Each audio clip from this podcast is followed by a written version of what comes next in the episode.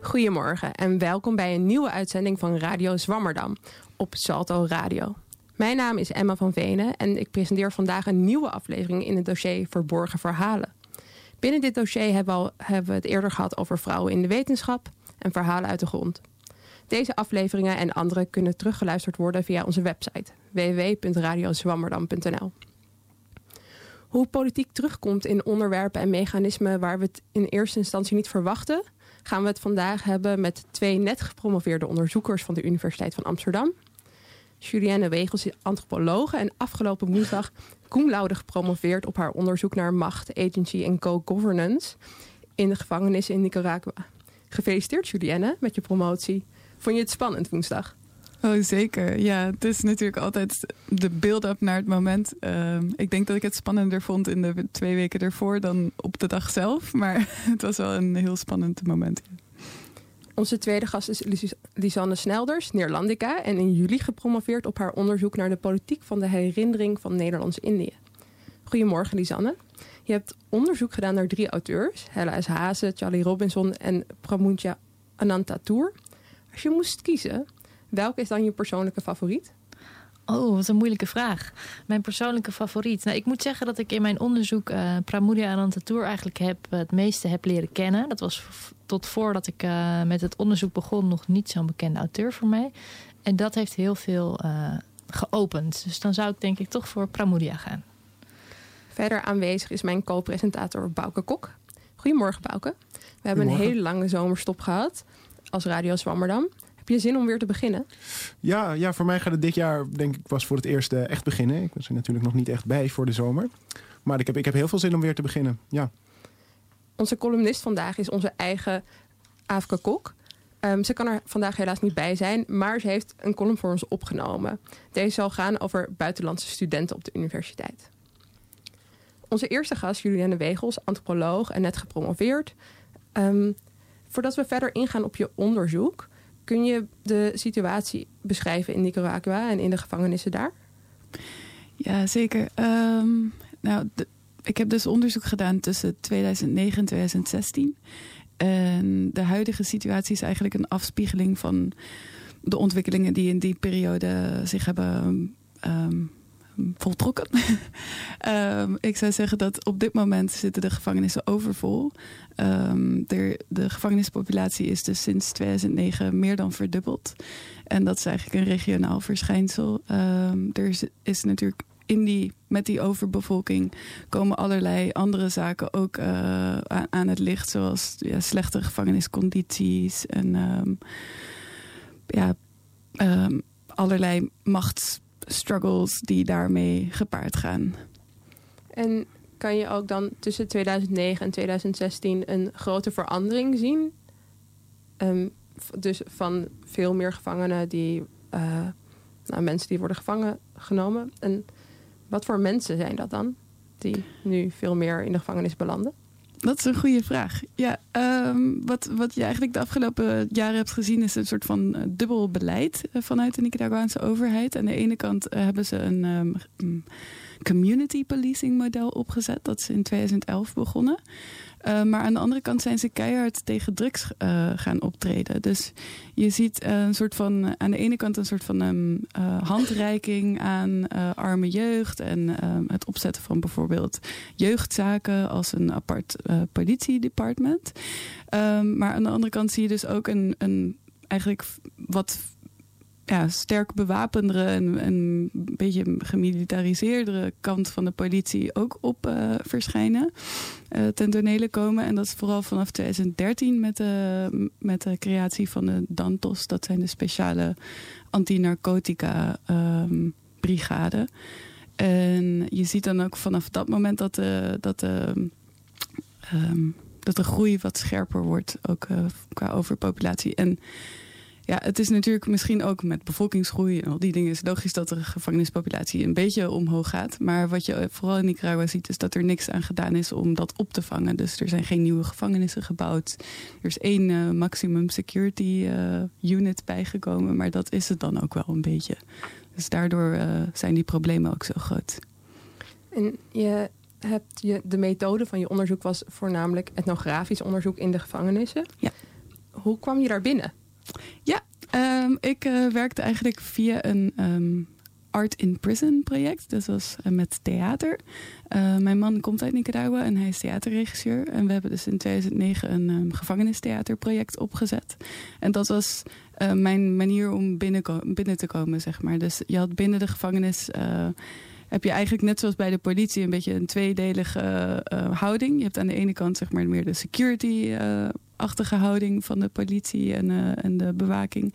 En aan de andere kant heb je ook een, en dat is dan in de wet opgenomen, een focus op heropvoeding in de gevangenis. Dus in, binnen die heropvoedingstak zit er allerlei mensen die geïnteresseerd zijn, of bewakingsmensen die dan dus geïnteresseerd zijn in het bieden van kunstprogramma's, onderwijs, uh, werkprogramma's um, aan de gevangenen.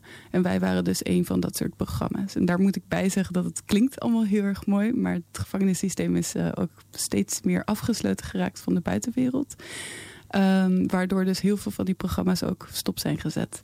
En eigenlijk is het enige wat nog doordraait, is het reguliere onderwijsprogramma. En dus af en toe van wat dan politiek. Um,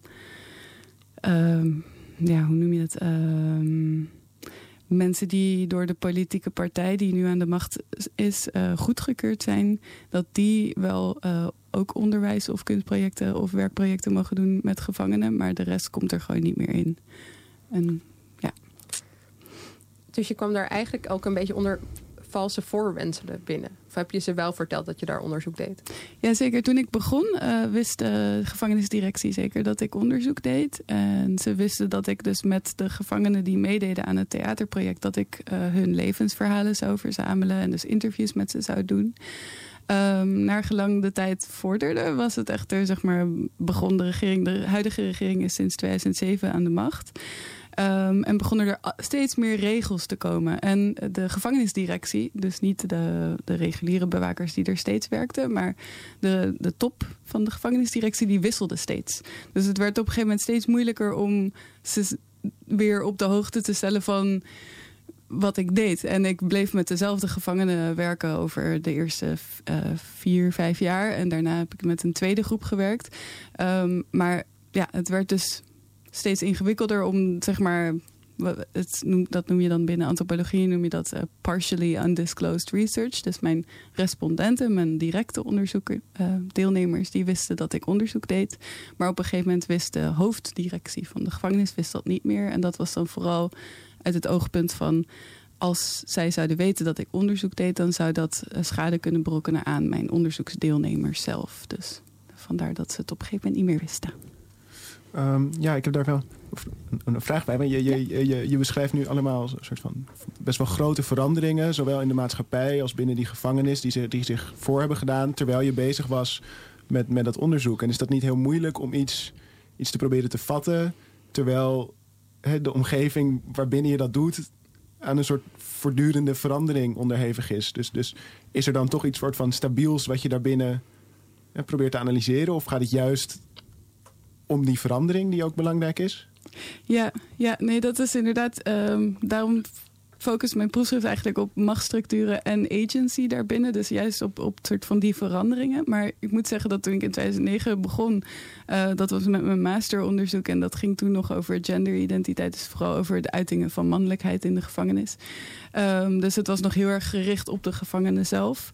Um, daarna toen ik met mijn PhD-onderzoek begon, dat was dan officieel pas in 2013, um, ging het mij meer om een soort van het dubbele wat ik op een gegeven moment door had van uh, de gevangenen zelf. Dus dat ze aan de ene kant in een heel gewelddadige omgeving uh, leven en aan de andere kant ook werken aan hun persoonlijke verbetering of verandering. Um, wilde ik dat proces bekijken, zeg maar, echt zeg maar, maar op het niveau van de gevangenen zelf.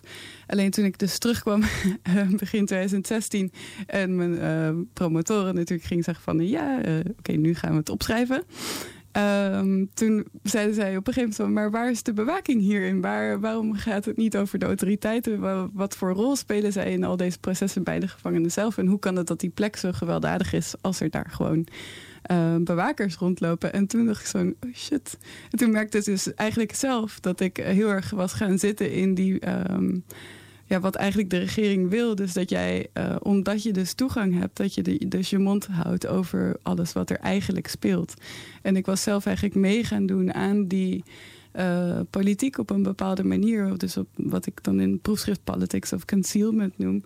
Um, dus door me zo erg te focussen op de gevangenen, dat ik eigenlijk de bewakers buiten beeld liet. En dat is natuurlijk in de twee jaar dat ik ongeveer heb gedaan over het opschrijven van, uh, van het proefschrift. Um, moest ik daar dus uh, aan gaan werken en terugdenken. En ja, dan kom je dus heel erg eigenlijk bijna gelijk terecht op die compliciteit tussen bewakers en gevangenen. Um, en ik moet zeggen dat het ook deels kwam uit het laatste onderdeel van mijn uh, onderzoek. Toen kwam echt zeg maar die binnen drugshandel binnen in de gevangenis kwam wat meer in my face.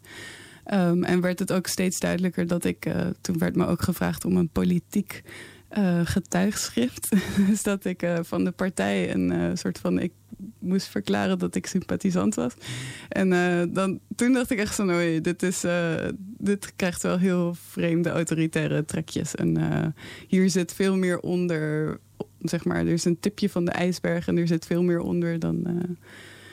ja, wat verborgen gehouden probeert te worden. En eigenlijk in het proefschrift wat ik doe, is dat ik dus die hele ijsberg probeer te analyseren. En je onderzoekt dus eigenlijk iets wat de overheid heel lang geprobeerd heeft geheim te houden. Ja. Um, maar de huidige situatie in Nicaragua is dat er heel veel protesten zijn. Sinds april gaan er heel veel mensen de straat op. Ja.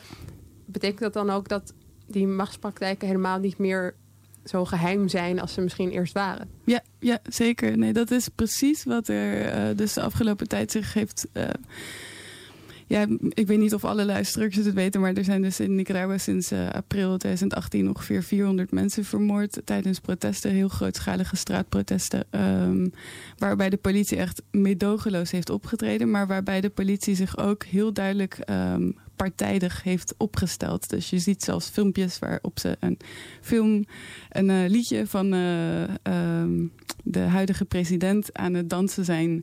Um, ja, dus het is echt nu heel erg duidelijk waar ze staan. En het is ook heel erg duidelijk geworden dat er een buitenwettelijke kant aan uh, law enforcement zit in Nicaragua. En het voordeel daarvan, zeg maar voor mij met mijn geheimhoudingsissues, is dat het nu dus allemaal in de, in de ja, in de buitenlucht uh, ligt. En dat was natuurlijk eerst wel in kleinere mate. Er waren altijd al mensenrechtenrapporten en er waren altijd al hele kleine bewegingen, maar die werden natuurlijk door de regering zoveel mogelijk onderdrukt. Um, alleen nu is die onderdrukking zo heftig geworden dat het gewoon ja, in your face is voor iedereen om te zien dat, uh, dat er daar iets niet klopt. Maak je er daar aan het begin van je onderzoek wel eens zorgen over? Dat je bent dus eigenlijk iets aan het opschrijven wat niet in het daglicht hoort te komen misschien. Ja. En dan ook nog vanuit Nederland. Ja. Hoe was dat? Ja, ik vond het uh, aan het begin heel erg moeilijk. Want uh, mijn man, zoals ik had gezegd, die komt daar dus vandaan. En zijn familie woont daar. En um, ja, het was dus allemaal heel erg eng om dat allemaal op die manier op te gaan schrijven. Ook omdat ik er vrienden heb. En je wil natuurlijk niet mensen schade berokkenen doordat jij opeens dingen gaat roepen die mensen misschien in eerste instantie zoiets van, no, heb het daar alsjeblieft niet over. Um, en uh, ik moet zeggen dat het, dat het echt veranderde. Dat was richting eind 2017, dus al voordat deze protesten begonnen, toen ze mijn man een keer hebben opgepakt om hem te gaan bevragen over uh, waar, ik dan wel over aan het schrijven was. En uh, toen dacht ik even van, oké, als zij al moeilijk doen met de gedachte van iets wat ik aan het schrijven zou kunnen zijn. En ik had op een gegeven moment ook door dat een klein beetje kritiek zo ongeveer gelijk stond als gewoon alle kritiek. Uh, dat ik dacht van oké, nu moeten we een duidelijke beslissing maken uh, van wat schrijf ik op. Um, hoe kunnen we dit ja, op een bepaalde zo'n manier proberen te doen dat het niet heel erg een backlash heeft naar onszelf. Maar ik kwam er dus toen wel achter dat het voor mij bijvoorbeeld moeilijk zal zijn om, uh, terwijl Ortega, de president, nu nog aan de macht is, uh, terug het land in te gaan bijvoorbeeld. En uh, sinds de protesten zijn begonnen is, en omdat mijn man daar ook aan mee heeft gedaan, um, is het voor hem ook redelijk onmogelijk om op dit moment terug te gaan. Dus er zitten wel grote consequenties aan, inderdaad. Je had het eerder over drugshandel in de gevangenis. Ja. En hoe ehm, nou ja, bewakers en gevangenen daar een rol in spelen. En dat noem je in je onderzoek co-governance. Ja. En wat betekent dat precies? Ja, het co-governance, dat is wat groter dan alleen de drugshandel. Ehm, wat ik eigenlijk probeer te vertellen in het proefschrift is dat we hier te maken hebben met een hybride staat. Ehm, en dat de manier waarop die hybride staat eigenlijk tot uitdrukking komt, is via die ehm, co-governance relaties. Dus die co-governance relaties zijn zowel op legaal vlak, dus tussen bijvoorbeeld um, gevangeniscouncils. Um, daar doen gevangenen aan mee. Dus dan heb je zeg maar, dat is een soort van manier om de gevangenis te ordenen. Dus de, uh, de bewaking die heeft nodig dat de gevangenen ook meedoen aan het helpen ordenen van, uh, van de gevangenisruimte. Um, dus gaan de legale relaties met ze aan, maar er zijn ook andere dingen die geordend moeten worden, zoals dus illegale markten in telefoontjes of in uh, drugs of dat soort dingen. En op dat niveau zijn er dus ook co-governance relaties. En uh, is governance natuurlijk van hoe wordt dat allemaal beheerd en geordend. En dat co uh, heb ik erin gezet eigenlijk om het ja, om duidelijk te maken dat er een, een soort van afhankelijkheidsrelatie is tussen alle twee. Dus dat ze alle twee gelijkwaardig of uh, min of meer gelijkwaardig geïnvesteerd zijn in deze relaties. Maar ook omdat er in Latijns-Amerika, um, Latijns-Amerikaanse literatuur over gevangenissen, veel um, gesproken wordt over self-governance. Dus dat de gevangenen heel veel zelf uh, regelen en beheren. En ik wilde toch duidelijk laten zien dat het in het systeem in Nicaragua er een heel grote vinger in de pap is van de autoriteiten zelf in op zowel legaal als illegaal vlak eigenlijk. Nu ik zo naar jou luister, had ik een vraag. Je schrijft dus heel veel, je ontdekt eigenlijk allemaal dingen over ja. wat er gebeurt in die gevangenissen. En ik vraag me af van voor wie schrijf je dit nou eigenlijk? Want je bent antropoloog, dus het is, dit komt terecht in een soort van literatuur van, oh, van antropologie, uh, hè, de academische gemeenschap. Maar ja. hoop je ook dat dit terechtkomt bij bijvoorbeeld mensenrechtenorganisaties? Of wat, wat is de gehoopte impact van jouw proefschrift? Ja, wat ik uh, vooral wilde schrijven op een gegeven moment... Uh, toen ik dus besloot om wel gewoon alles op te schrijven... want ik dacht, anders schrijf ik een halfbakken proefschrift... wat ja, de helft nog steeds verhult... Uh, was dat ik over de gevangenis wilde schrijven zoals ik het heb leren kennen door de gevangenen. Dus ik heb duidelijk een blik vanuit de, de kant van de gevangenen. En ik wilde vooral een verhaal schrijven waarin zij zich zouden kunnen herkennen. Um, dat is true is aan hun ervaringen uh, met het systeem. En ja, dus op later vlak, zeg maar, um, waar ik natuurlijk ook binnen Nicaragua uh, destijds tijdens mijn onderzoek ook. Um, ik heb me niet heel erg veel bezig gehouden met mensenrechtenorganisaties zelf, omdat je daar dus uh, een bepaalde kleur van krijgt, waardoor je niet meer de gevangenis in kan. Ja. Want de mensenrechtenorganisaties mogen sinds 2008 al niet de gevangenis in. Um, maar ik heb zeker uh, ook met het schrijven van bijvoorbeeld uh, projecten ter um, begeleiding van jongeren die uit de gevangenis komen. Um, contact gehad. Ik heb geprobeerd dus zeg maar om binnen wat zeg maar het kader van wat mogelijk was.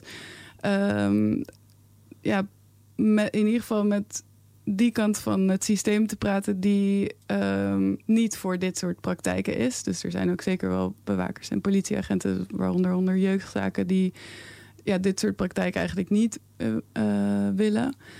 Um, en eigenlijk dus een beetje geprobeerd om van binnenuit uh, een kamp te creëren voor verandering op dit vlak. Maar dat is toch wel heel moeilijk, omdat dat zo erg erin zit. En aan de andere kant, omdat er zoveel baat is van de wat hogerop, uh, dat het allemaal zo geregeld is. Dus um, het is een beetje vechten tegen de bierkei. Ik hoop wel zeker dat op dit moment het proefschrift gebruikt kan worden door mensenrechtenorganisaties. En ik heb het ook opgestuurd naar de hoofd. Uh, er zijn drie hoofdmensenrechtenorganisaties in Nicaragua.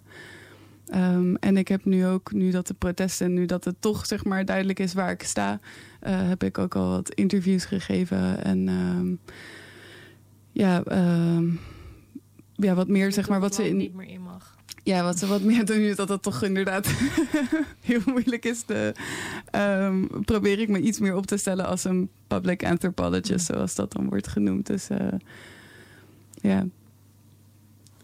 Ehm, ja, we hebben het nu veel over, over deze praktijken en een soort van buitenlegale activiteiten van, van bewakers en, en, en politie. Maar dat, dat, dat, dat blijft toch nog een beetje abstract, voor, naar, naar mijn idee. Ehm, Mm. dus, dus heb je ook misschien echt een soort van voorbeelden van manieren waarop mensen echt benadeeld worden of, of nee, nee, onderdrukt worden door hè, de manier waarop deze machtsstructuren werken en dit, dit, dit, dit, systeem, dit systeem werkt? Kun je dat misschien iets meer invullen? Eén Ehm, heel duidelijk voorbeeld, in ieder geval voor, voor mijn gevoel, is dat ehm, als je de gevangenis binnenkomt, dan word je gelijk, eh, of ja, door de eh, politie, ehm, word je gelijk eigenlijk de keuze gesteld van of je onderwerpt je en je, oh, dan wordt je haar afgeknipt en dan mag je de geva- eh, gevangenis rustig in. Of als je dan jezelf te stoer vindt, dan slaan we je even in elkaar en dan weet je wel wie er, eh, wie er de macht heeft. En dat is eigenlijk iets wat constant, eh, ehm, eigenlijk wat de autoriteit als een soort van, ik noem het een soort van security clip op die co-governance eh, relaties. Dus dat zij eigenlijk een manier hebben om te zeggen van wij hebben eigenlijk uiteindelijk de macht. Dus je hebt een eh, heel sterke hiërarchie binnen de cellen van gevangenen onderling. Maar als dat een beetje zeg maar, te ver de spuigaten uitloopt, dan kan, kunnen de autoriteiten die eh, nemen dan gewoon bepaalde mensen mee naar een achterafkamertje en die timmeren ze mee in elkaar. En dan is het zeg maar duidelijk wie er eh, uiteindelijk aan de macht is. En dat vind ik zeg maar het duidelijkste voorbeeld. Ehm, maar daarnaast heb je natuurlijk ook de vele verhalen van eh, bewakers die bijvoorbeeld ook drugs de gevangenis in helpen. Of kijk, als, ge- als gevangenen smartphones hebben, dat is niet iets wat je kunt smokkelen in je binnenste delen. dus ehm, een smartphone moet wel op een andere manier de gevangenis inkomen. En dat is dan eigenlijk alleen maar via de bewaking. Dus dat zijn de andere manieren waar je, waarop je het ook terugziet. Hoe zie je de toekomst van Nicaragua? Dat is een moeilijke vraag. Ehm, ik kan een beetje. ehm, eh, eh, wil je het realistische antwoord of wil je het wat ik hoop antwoord? Ehm, nou, ik denk dat we nog wel tijd hebben voor alle twee. Oké, eh, wat ik heel erg hoop is dus dat eh, middels deze protesten ehm, ja, de zittende partij eigenlijk ehm, dan wel uit het zadel geholpen wordt. Dan wel eh, er zware hervormingen gaan plaatsvinden. Maar die hervormingen zouden dan echt moeten plaatsvinden breed over de politie en het gevangenissysteem. Dus dan moeten echt hele zware eh, hervormingen plaatsvinden. Het realistische daarvan is dat het misschien zou kunnen zijn dat er dus presidentsverkiezingen komen op een gegeven moment, vervroegd of niet. Maar dat het systeem, dus die politie-gevangeniskant, eigenlijk onaangeraakt blijft. En dat is waarschijnlijk wat er gaat gebeuren. Dus dat eigenlijk dat systeem waar ik het over heb, dat dat relatief onaangetast zal blijven. Ook al is er dan een wisseling van de wacht eh, op presidentieel niveau. We houden hoop, Yes, zou ik zeggen. dank je. We hebben het net met de Julienne Wegels gehad over de machtsstructuren in de gevangenissen en de samenleving van Nicaragua. Nu is het tijd voor de column van oud-Zwammerdam-redacteur Afke Kok. Eh, ze kon er vandaag helaas niet bij zijn, dus ze heeft hem voor ons opgenomen. Van Afke moest ik wel even doorgeven dat ze een beetje ziek was. Ehm, ze is nog goed verstaanbaar, maar eh, dat je het weet. We hebben het vandaag over onderzoek, buitenland en politiek. Een goed moment, zo dacht ik, om dat andere onderwerp over buitenland, politiek en de universiteit aan te snijden: de overstroming aan buitenlandse studenten. Het aantal buitenlandse studenten is, afhankelijk van welk lijstje je hanteert, grofweg verdubbeld in de laatste vier jaar. En zoals dat gaat in de politiek, dat is wel gelukt. Andere maatregelen daarop aanpassen, dat niet. De internationals worden binnengelokt met gekke flyers en websites die speciaal op hen getarget zijn. De universiteiten doen flink hun best om een internationale uitstraling te bewerkstelligen, om een boegbeeld van multiculturaliteit te zijn. Want net zoals verschillende disciplines samen als interdisciplinair geheel een hoger doel moeten nastreven, zo willen de universiteiten met meerdere culturen ook meer bereiken. Op zichzelf lijkt me dat nastrevenswaardig. De Nederlandse cultuur kan best iets leren van de Mexicaanse, Franse of Chinese. En andersom trouwens ook. Als bachelorstudent vond ik alleen al het samenkomen van studenten uit heel Nederland een verademing. Al was het maar omdat niet iedereen meer met hetzelfde kakaccent sprak als ik. Zo wijst diversiteit je ook op je eigen eigenaardigheden. In mijn Engelstalige master namen de internationals zelfs bijna de overhand in het aantal. Ik snap er persoonlijk weinig van, mij niet gezien, zo ver weg van mijn thuisland. Maar ik vond het bijzonder om met zoveel culturen in aanraking te komen. Maar los daarvan, het waren gewoon slimme mensen.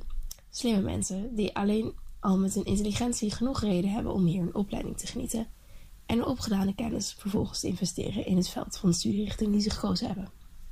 Dat ze dat misschien niet in Nederland doen, maakt niet zoveel uit, denk ik. Zolang ze een carrière in de wetenschap tegemoet gaan, investeren ze wel in hun vakgebied. Dat is toch wel internationaal. Dus dan maakt Nederland, Mexico of Frankrijk qua plek om vanuit te werken ook niet zoveel uit. Doen ze dat niet, dan heeft de universiteit er misschien wat minder aan. Maar ja, dat gaat ook voor al die Nederlanders die een ander arbeidspad kiezen. Maar terug naar de buitenlandse student, die hier met goede marketingpraatjes naartoe is gelokt. Ga er maar aan staan. Daar zit je dan, in Nederland. Met een beetje pech betaal je het tienvoudige aan collegegeld van wat je Nederlandse medestudenten betalen. Een fatsoenlijke zorgverzekering krijgen is lastig, daar moet je een baan voor hebben. Je moet wennen aan de Nederlandse cultuur. Je mist je vrienden en, en familie thuis. En nieuwe vrienden maken kan lastig zijn. Bij sport en andere hobbyclubjes is Nederlands vaak de voertaal. En afhankelijk van het percentage internationals in jouw studie, kan het aantal studenten dat niet al lang een eigen vriendenkring in de studiestad heeft opgebouwd laag zijn. Dus daar zit je dan, platzak en alleen. En dan komt nog de vraag: waar zit je dan? Over de huisvesting van de buitenlandse studenten brak deze zomer een heuse rel uit. Er was zelfs een demonstratie afgelopen donderdag bij de Rijksuniversiteit Groningen. Bij diezelfde universiteit werd een tentkamp opgezet om studenten die echt niks hadden kunnen vinden toch onderdak te bieden. Ook de Universiteit van Wageningen veranderde in een introductieweek in een camping, waar de nieuwe studenten bij gebrek aan eigen kamer hun eigen tentje mochten opzetten. Die Wageningse tentjes waren overigens niet alleen voor de internationals, want het huisvestingsprobleem is veel groter. Ook voor Nederlandse studenten is het lastig om een kamer te vinden. Bovendien, als je dan eenmaal afgestuurd bent, is het vinden van een huis wederom vrijwel onmogelijk. Een vriendin van mij staat, hoewel ze eigenlijk best zou kunnen afstuderen, nog steeds ingeschreven aan de universiteit, omdat het collegegeld plus van een studentenkamer een aantrekkelijker alternatief vormde dan geen dak boven haar hoofd hebben. En daarmee komen we weer terug bij de politiek. Universiteiten worden meestal als zondebokken neergezet in het verhaal, maar uiteindelijk zijn het de regels die moeten veranderen, niet de uitvoering ervan door de universiteiten. De reden dat universiteiten zoveel studenten aannemen, terwijl ze er eigenlijk geen plek voor hebben, is vooral dat de overheid vertaalt naar het aantal studenten dat de universiteit heeft. Laten we daar nou gewoon mee ophouden. Kwantiteit is geen kwaliteit. Of er nu 50 of 100 studenten een opleiding doen, heeft weinig te maken met hoe goed de universiteit presteert. Als die 50 studenten gelukkiger zijn en daardoor mooiere dingen bereiken in de wetenschap, lijkt me dat een hogere beloning waard dan 100 ongelukkige, dakloze studenten die weinig gaan presteren. Natuurlijk zou het prachtig zijn als de Nederlandse universiteit een onderdak kunnen bieden aan iedereen die hier wil komen studeren.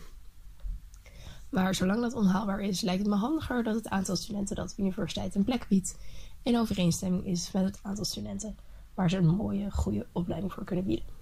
Inclusief randvoorwaarden als een huis. Dankjewel, Aafke, voor de mooie column. je klonk inderdaad een beetje ziekjes, dus hopelijk ben je snel weer beter. Wil iemand reageren op de column? Nou, ik kan het alleen maar mee eens zijn eigenlijk. Heer, heer. Ja, same. nou, jullie hoorden er al, Lisanne Snelders. Lisanne is Nederlandica en net gepromoveerd op haar onderzoek naar de politiek van de herinnering van Nederlands-Indië. Door drie auteurs met elkaar te vergelijken: Hella Hazen, Charlie Robinson en Pramutja Anantatour. Zou je kort kunnen uitleggen waarom je voor deze drie auteurs hebt gekozen? Dan kunnen we daarna luisteren naar een fragment van Cote de uh, ja, dat kan ik doen.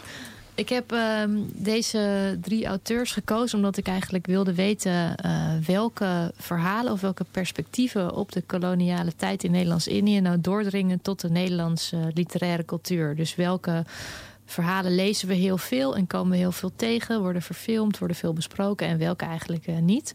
En wat zegt dat over de politiek van herinnering of over de herinneringscultuur? En daarvoor heb ik drie auteurs gekozen die um, verschillen van uh, nationaliteit, maar ook de manier waarop ze uh, etnisch worden geïdentificeerd. Dus ik heb Hella Haase, die eigenlijk de, de Nederland, witte Nederlandse vrouwelijke perspectief uh, vertegenwoordigt. We zijn niet zo gewend om haar uh, ook als wit te benoemen, maar dat heb ik in het kader van het onderzoek wel uh, zo gedaan. Charlie Robinson is een Indo-Europese auteur, ook wel vaak Indo genoemd. Dus iemand met een achtergrond in zowel de Europese als de Indonesische cultuur, die ook uit, daar is geboren. En uh, Pramudia Anantatur is een Indonesische auteur. En ze zijn alle drie ongeveer van dezelfde generatie. Ze zijn geboren in, uh, in de kolonie, of tenminste ze zijn opgegroeid in de Indonesië toen het nog een kolonie van Nederland was. En ze zijn zo'n beetje begonnen te schrijven rond de tijd van de onafhankelijkheid van Indonesië. Daar gaan we het zo verder over hebben. En eerst gaan we luisteren naar een fragment van Cote en. Wil je het fragment zelf inleiden of zullen we het daarna bespreken? Um, ja, misschien moeten we heel even zeggen naar wie we gaan luisteren. Het zijn twee, het zijn twee typetjes van Van Koten en de Bie... die in hun villa in uh, Laricum zitten... en herinneringen ophalen aan hun uh, jeugd in Nederlands-Indië.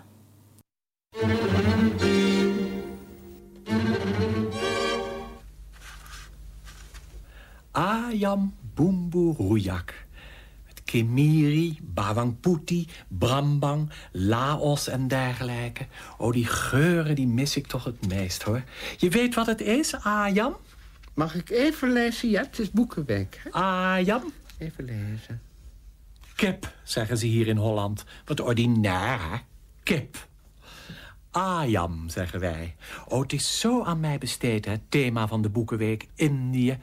Ik heb wel voor 200 gulden gekocht. Dit is zo'n kostelijk Indisch kook- en leesboek. Ayam Bumbu Rujak. Oh, daar gaat ook Lombok Mera in. Hebben we dat in huis? Lombok Mera, zus? Ik zou het niet weten, Jet. Oh. Ja, het was zo'n feest als ons kokkie dat voor ons maakte. Ayam Bumbu Rujak. En ik zat op schoot van de oude baboe op de galerij... die me die kostelijke Indische sprookjes vertelde. En dan kwam papa thuis in zijn smetteloze witte pak... met die tropenhelm ietsje scheef op. Oh, die stond hem zo goed, die helm. Oh ja, en dan dat geluid van die vogels... en dan de geur van die ayam, boemboe.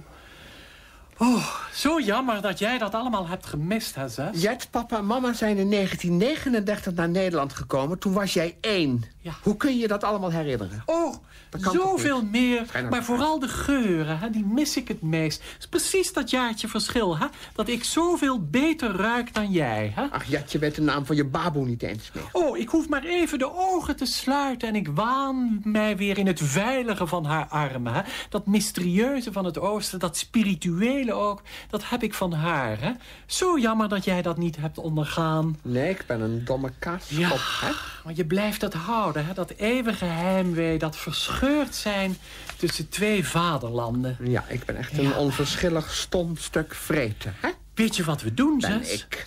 Ik ga nu naar het dorp en dan haal ik twee nasi goreng. Wat is dat, Jet? Nasi Ik trakteer. Maken we een Indische avond van. Leuk, ja. Maar dan op de terugweg haal ik in de supermarkt wel even wat Indische kruiden. Ga maar gauw. Hollandse goreng kan ik natuurlijk niet eten. Anders is die dicht. Doen Ga maar gauw, ja. Adoe. Heerlijk, ja zeg. En dergelijke, hè? Ja. is leuk, zo'n thema van de Boekenweek. Maar ik hoop dat volgend jaar eh, de Eskimo's aan de beurt zijn of zo, hè? En dergelijke. Hier hebben we allemaal stiekem een beetje zitten grinnen hè, tijdens dit fragment. Lisanne, wat laat dit volgens jou horen? Ehm, ja, voor mij is het eigenlijk een heel dankbaar fragment. Want ehm, behalve dat ik het best wel grappig vind, zegt het ook een heleboel over verschillende kernelementen uit mijn proefschrift eigenlijk. En in de eerste plaats eh, het idee van culturele herinnering, dat eigenlijk centraal staat in mijn onderzoek. Dus de vraag van ehm, niet zozeer hoe is het allemaal gelopen, maar eh, hoe kijken we aan tegen de geschiedenis en hoe herinneren we ons die? En dat is eigenlijk wat je hier. ehm, die koosje die haalt allerlei herinneringen op. En eh, die ze eigenlijk niet kan hebben. Want ze was, ze was te jong toen ze terugging. Ze was één jaar. Dus ze heeft geen echte herinneringen. Maar ze heeft toch herinneringen. En die herinneringen zijn eigenlijk allemaal vervat in de cultuur. Dus de beelden die ze uh, ophaalt, die zijn heel herkenbaar. Bijvoorbeeld de, de baboe en die tropenhelm en al die beelden.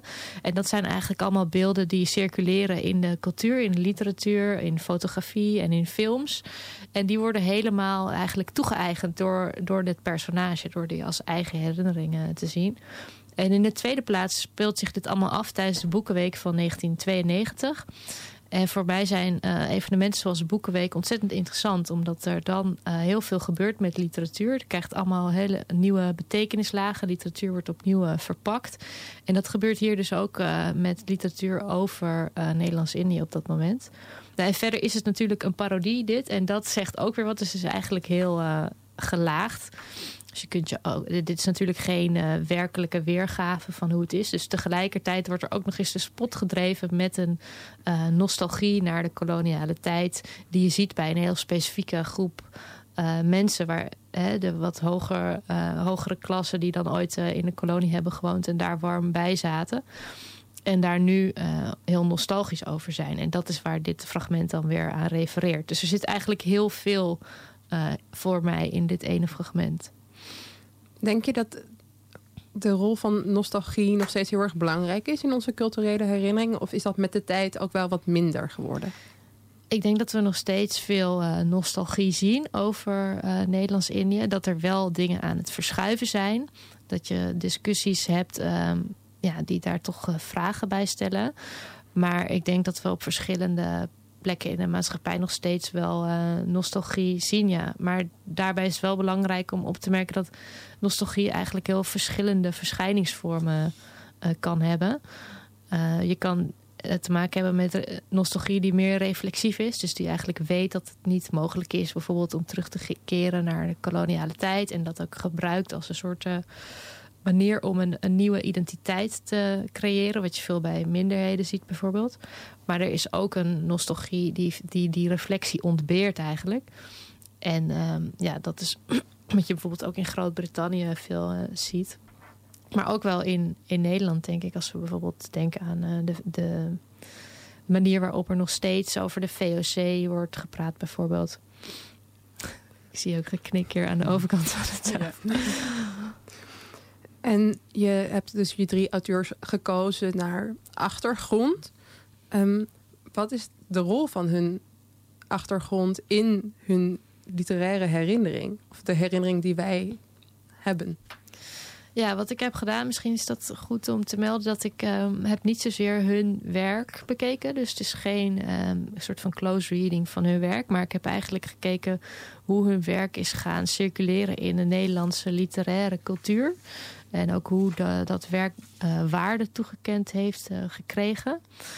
En um, daarin zie je dus dat uh, eigenlijk dat, dat perspectief van Helle Haase... dat dat is eigenlijk vooral een soort mainstream perspectief geworden. En daarbij wordt zelden benoemd dat dat een heel specifiek koloniaal wit perspectief is.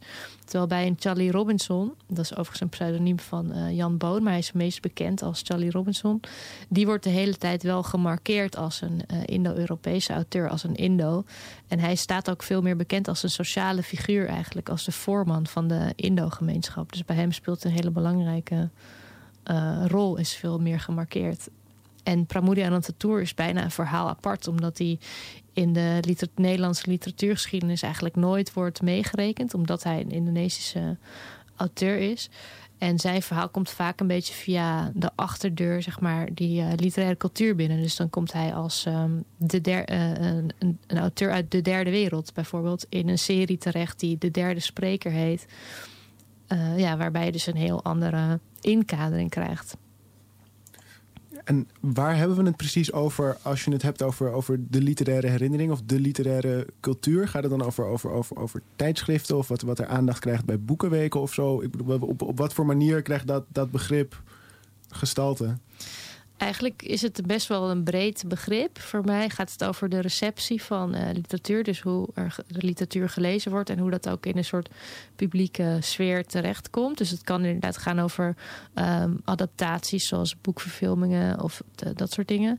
Um, maar waar ik bijvoorbeeld ook naar heb gekeken, is dat er op een gegeven moment voor Pramudia Anantatour een comité werd opgericht, het Pramudia Comité. En ehm, daar ben ik ook naar gaan kijken, ja, hoe hebben zij zich nou ingespannen om dat werk van hem eh, te verspreiden, bijvoorbeeld. Dus eigenlijk is het een vrij breed eh, begrip voor de manier waarop ja, literatuur wordt uh, gebruikt en gelezen. Um, is er dan, dus er is best wel verschil tussen hoe de werken van de verschillende auteurs ontvangen zijn in Nederland. En kan je het verschil aangeven tussen hoe er werd omgegaan met Charlie Robinson en Pramucha Anantatour? Want zij hebben alle twee wel ook een Indische achtergrond. Of Indonesisch. Ja, dus dat is wel een belangrijk verschil tussen Indische en Indonesische. Soms is in het, in het alledaagse taalgebruik van veel mensen loopt het een beetje door elkaar. Maar als je het aan Indische mensen zou vragen, dan, dan zijn ze daar altijd ook heel uh, gevoelig op. Wat ik ook wel kan begrijpen. Maar Indische mensen hebben dus echt een, um, een achtergrond in die um, koloniale tijd. Omdat ze meest, meestal is het zo dat uh, van de vaderskant dat dat de Europese kant is. En van de moederskant is het daar dan een Indonesische kant. Dus helemaal in het begin van, van de kolonie was het vaak zo. kwamen er mensen van de compagnie, allemaal mannen. Zaten geen vrouwen op die boten. En die gingen met um, Indonesische vrouwen uh, kinderen krijgen. Al dan niet gedwongen of uh, vrijwillig. En op een gegeven moment is daar een hele cultuur uit ontstaan... die gewoon um, ja, honderden jaren eigenlijk heeft bestaan. Een steeds grotere uh, cultuur. Een soort hybride cultuur. En dat is wat, waar we meestal naar refereren met Indische of Indo-Europese mensen. Terwijl um, Pramudia Anantatour is een, een Indonesiër. En um, die nam dus ook in het koloniale systeem een hele andere plek in. Um, dat was, die werd dan tussen aanleidingstekens een inlander genoemd. En bij Indo-Europese mensen was dat eigenlijk veel ingewikkelder. Want het was niet zo duidelijk of zij nou hoorden bij de kolonisator of bij de gekoloniseerde. Dus hing het er maar vanaf of je door je vader werd erkend, bijvoorbeeld. En zij hadden een, ook een, veel, een hele precaire positie eigenlijk binnen dat hele systeem. Maar een, een Indonesiër als Pramudia Anantatour, ja, dat was sowieso een gekoloniseerde. Dat was sowieso een, een inlander die, geen, uh, hè, die allerlei rechten niet kon genieten, zoals onderwijs en dergelijke. En uh, Indo-Europeanen konden dat uh, wel. En in welke taal schreef hij dan? Hij schreef in het Indonesisch. Uh, en dus ik heb gekeken ook naar uh, vertalingen van zijn werk naar het Nederlands. Dus hoe die in de Nederlandse cultuur zijn terechtgekomen. En Charlie Robinson, die schreef in het Nederlands. Die was ook in het Nederlands opgeleid. Um, en hij schreef ook in het wat dan het Pechol wordt genoemd. Wat een soort um, ja, mengtaaltje eigenlijk is... waar ook allerlei Indonesische woorden um, doorheen zijn gemengd. Dus daar herken je wel Nederlands in. En soms dan denk je, oh, ik snap het. En dan staan er weer woorden bij die, waar je echt die, die uh, achtergrond voor moet hebben... om te weten wat ze betekenen. Er staat vaak een verklarend woordenlijstje ook in die uh, boekjes van hem. En de these van je proefschrift is dat de culturele herinnering aan Nederlands-Indië gecompartimentaliseerd is. Wat is dit precies? Ja, iedereen struikelt altijd over dat uh, woord. Uh, inderdaad, gecompartimentaliseerd is. Om, uh, wat ik eigenlijk heb gezien is dat die verschillende perspectieven... de manier waarop daarmee wordt omgegaan... is eigenlijk dat ze in aparte compartimenten worden geplaatst. In aparte hokjes. En het gevolg daarvan is dat ze ook ja, niet echt gezien worden als onderdeel van hetzelfde verhaal. Dus het is heel makkelijk om bijvoorbeeld wel Pramoudi Anantatour... Ik zeg niet, hij is niet gelezen. Dat is niet waar. Hij is wel gelezen, maar hij is gelezen binnen een bepaald uh, hokje. En hetzelfde geldt voor literatuur van Indo-Europese auteurs... waar we nog heel veel andere voorbeelden van zouden kunnen noemen. Uh, zoals uh, Marion Bloem bijvoorbeeld. Dat is dan weer een tweede generatie Indische auteur... Um, dat, dat is best wel veel gelezen, maar dat wordt ook altijd uh, apart geplaatst binnen de Nederlandse literatuurgeschiedenis. En er zijn hele discussies over gevoerd. Is dat dan een apart genre? Of uh, hè, moeten we dat nou, hoe moeten we dat nou bekijken? Um, dus ook als je de als je geschiedenis, zeg maar literatuurgeschiedenissen openslaat, dan kan je dat zien dat de Indische literatuur vaak apart wordt behandeld. En Indonesische literatuur, dat doet eigenlijk helemaal niet uh, mee. Mede omdat het in een andere taal is geschreven, wordt het gewoon niet beschouwd als onderdeel van uh, de Nederlandse literatuurgeschiedenis. Terwijl je ook best een andere definitie zou kunnen hanteren van de Nederlandse literatuurgeschiedenis, waarin dat best een onderdeel zou kunnen zijn, samen met uh, ook literatuur uit Suriname en in andere talen uit voormalige koloniën. En dat soort van in hokjes plaatsen, wat voor invloed heeft dat dan op onze herinnering aan Nederlands-Indië? Ik denk dat die daardoor ehm, ja, vrij beperkt is eigenlijk. En dat ehm, hier heeft, terwijl ik mijn proefschrift aan het schrijven was, verschenen het boek uh, Witte Onschuld, White Innocence van Gloria Wekker. En dat, uh, ja, daar refereer ik ook regelmatig aan, omdat ik dat heel erg herkende. En dat ik eigenlijk steeds meer ging zien van ja, het uh, standaard perspectief is toch het witte perspectief op die koloniale geschiedenis. En alles wat afwijkt, um, dat kunnen we niet echt zien als een soort van integraal onderdeel daarvan. Of iets wat daarbij uh, bij hoort maar iets wat, ja, wat apart wordt geplaatst en op die, alleen op die manier kan worden begrepen. En de, die onschuld, die witte onschuld, dat is trouwens ook iets wat we net in dat fragmentje ook kunnen herkennen. En wat een heel centraal element is ook in die, uh, in die nostalgie naar de koloniale tijd, waarbij ook de, de kindertijd heel belangrijk is. Natuurlijk het idee is van ja, als kind ben je onschuldig en dan was je niet bewust van al die um, verhoudingen daar, et cetera. En dat is ook bij de generatie auteurs die ik bespreek ook uh, ja, wel een belangrijk element. Bijvoorbeeld in Helle Hazes Oeroeg herken je dat ook. Wat veel mensen op de middelbare school wel hebben gelezen. Jazeker, ik heb dat ook op de middelbare school gelezen. Ik vond het toen heel mooi. Um, maar daar was niet iedereen het over eens. Ik kan me wel herinneren dat het toen niet zo... Ja, er wordt niet zoveel over gediscussieerd. Het werd gewoon als, als boek besproken. Ja, maar wat vonden mensen dan niet mooi, ben ik wel benieuwd. Of mensen het stom vonden? Ja, mensen, uh, op mijn middelbare school vonden veel mensen het stom. Die vonden het te ingewikkeld, te kinderlijk, te, ja... Mm, heel erg ongefundeerd vond ik dat toen. ja, het is natuurlijk ook niet zo dat uh, literatuur waar je een soort politieke lezing van geeft, niet ook meer mooi kan zijn. Uh, dat, dat kan best wel tegelijk bestaan, volgens mij. En helaas staat natuurlijk ook bekend om haar natuurbeschrijvingen en dat soort dingen. En dat, uh, dat kan je heel mooi vinden, maar dat zijn ook wel dingen waar ik in mijn boek heb geprobeerd iets kritischer over te zijn. Van ja, wat is eigenlijk het effect daarvan? Van de hele tijd die nadruk op de natuur. En wat zegt dat? Ik vroeg me af of je misschien ook in hebt gekeken naar wat de mogelijke politieke belangen zijn bij inderdaad het, behouden of het misschien net iets meer promoten van een bepaald perspectief. Ik weet niet of dat bewust gebeurt. Misschien is het inderdaad onderdeel van die witte onschuld dat, dat uh, zelfs de onderwijspolitiek er niet zoveel bij stilstaat. Maar ik, ja, ik moet, moest gelijk denken aan die uitspraak van Rutte van we moeten terug naar de mentaliteit van de Gouden Eeuw. En dat ik toen echt dacht van en uh, ja, dat, er is gewoon zo weinig, uh, lijkt wel, terwijl ik denk onder onze generatie en vooral ook onder mensen die wat jonger zijn dan wij, gewoon veel meer bewustzijn is over wat er destijds allemaal speelde en de, de rol van Nederland als, als uh, kolonisator. Um, ja, echt wel onder het voetlicht gebracht mag worden. En, maar hoe zie je dat nog terug? Ja, zie je dat er mogelijkheden zijn dat dat uh, zal veranderen in de manier waarop we dus naar literatuur gaan kijken, ook op de middelbare school bijvoorbeeld? Of denk je dat het toch nog best wel vastgeroest blijft? Nou, ik denk dat er wel verschuivingen, verschuivingen zijn. Ook wat jij zegt, dat uh, onze generatie wel anders is. En ik zie bijvoorbeeld ook een hele belangrijke rol uh, voor discussies over slavernij en over racisme. En dat is iets wat eigenlijk traditioneel niet zo heel snel wordt betrokken op, um, op literatuur over Nederlands-Indië. Dat wordt toch vaak met de West hè, ge geassocieerd. Ja. En ik heb wel geprobeerd om dat ook wat meer bij elkaar uh, te brengen. Um, door bijvoorbeeld nou ja, Gloria Wekker te lezen, maar ook anderen zoals Philomena Esset.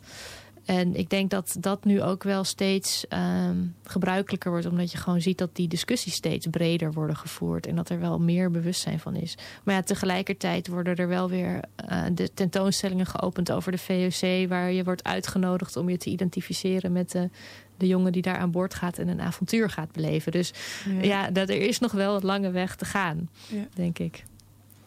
En zou het dus kunnen helpen om nou, de grenzen van de Nederlandse literatuur lijken dus best wel beperkt ook. Om die, zouden we die grenzen wat moeten oprekken?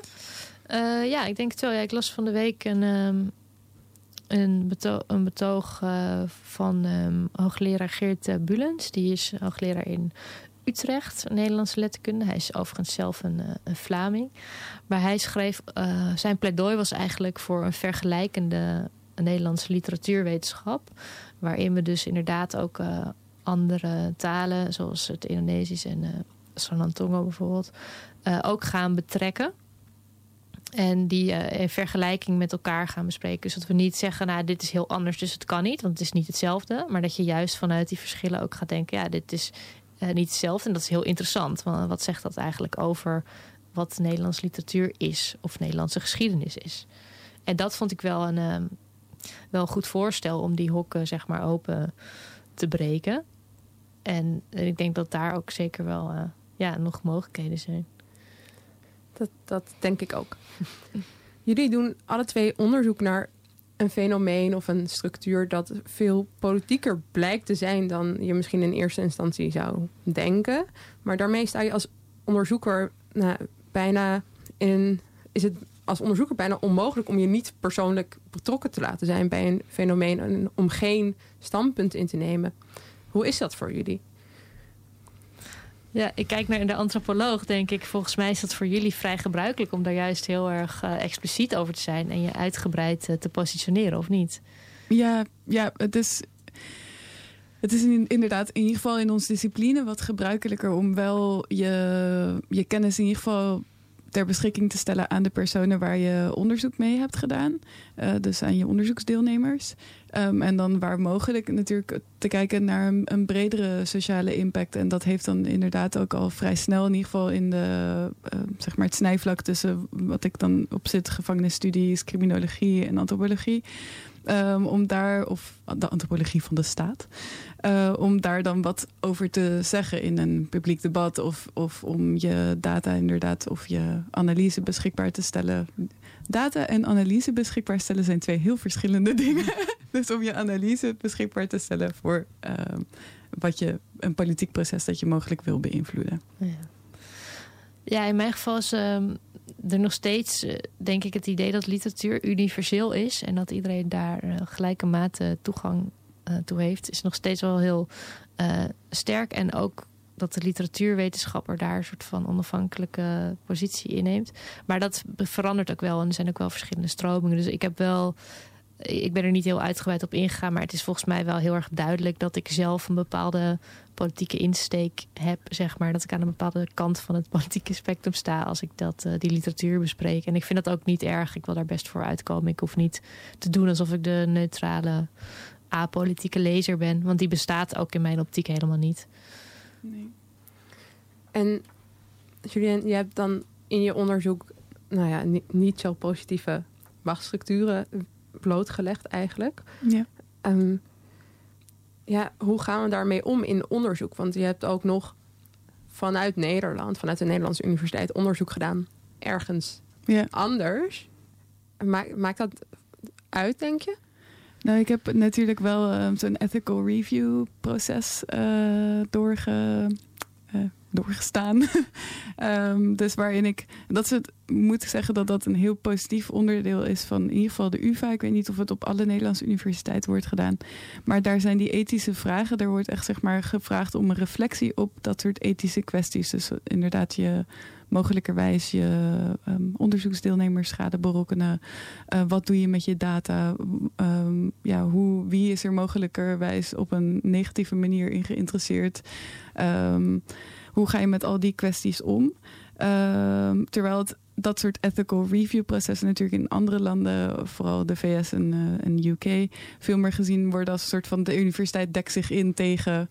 Uh, dus het is een soort van box-checking uh, voordat je dan op etnografisch veldwerk gaat van alles wat jij doet is dan je eigen schuld, bij wijze van spreken. Terwijl, ja, meer een waiver dan een, een ethische reflectie. En dus ik ben wel heel blij dat ik dat proces heb gedaan. Ook omdat het deels ook was voordat ik wist dat het zo erg zou kunnen worden. Dat had natuurlijk eigenlijk niemand kunnen voorzien. Ja, en jullie doen eigenlijk ook alle twee wel op een hele andere manier. Dus onderzoek vanuit een Nederlandse universiteit naar het buitenland. Naar Nederlands-Indië, wat een buitenland is op een hele gekke manier. En nu Indonesië is en nu echt, echt een buitenland. En Nicaragua, wat ook nou ja, misschien meer een Amerikaanse kolonie was dan een Nederlandse zeker. Ja. En wat denken jullie dat het belang is van vanuit het buitenland onderzoek doen naar iets wat een onderdeel was van Nederland en iets wat echt buitenland is?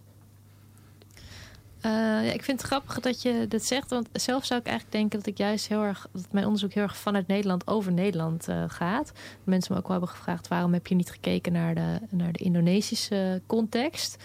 En dat heb ik eigenlijk niet echt gedaan. Dus ik heb vooral gekeken naar die uh, Indonesische perspectieven in Nederland. Dus voor mij is het meer een soort zelfreflectieve blik. Waar je ook weer vragen bij zou kunnen stellen. Maar die ik juist heel belangrijk vond ook. Ja, ik denk dat, um, hoewel natuurlijk mijn onderzoek wel zich volledig heeft plaatsgevonden in het buitenland.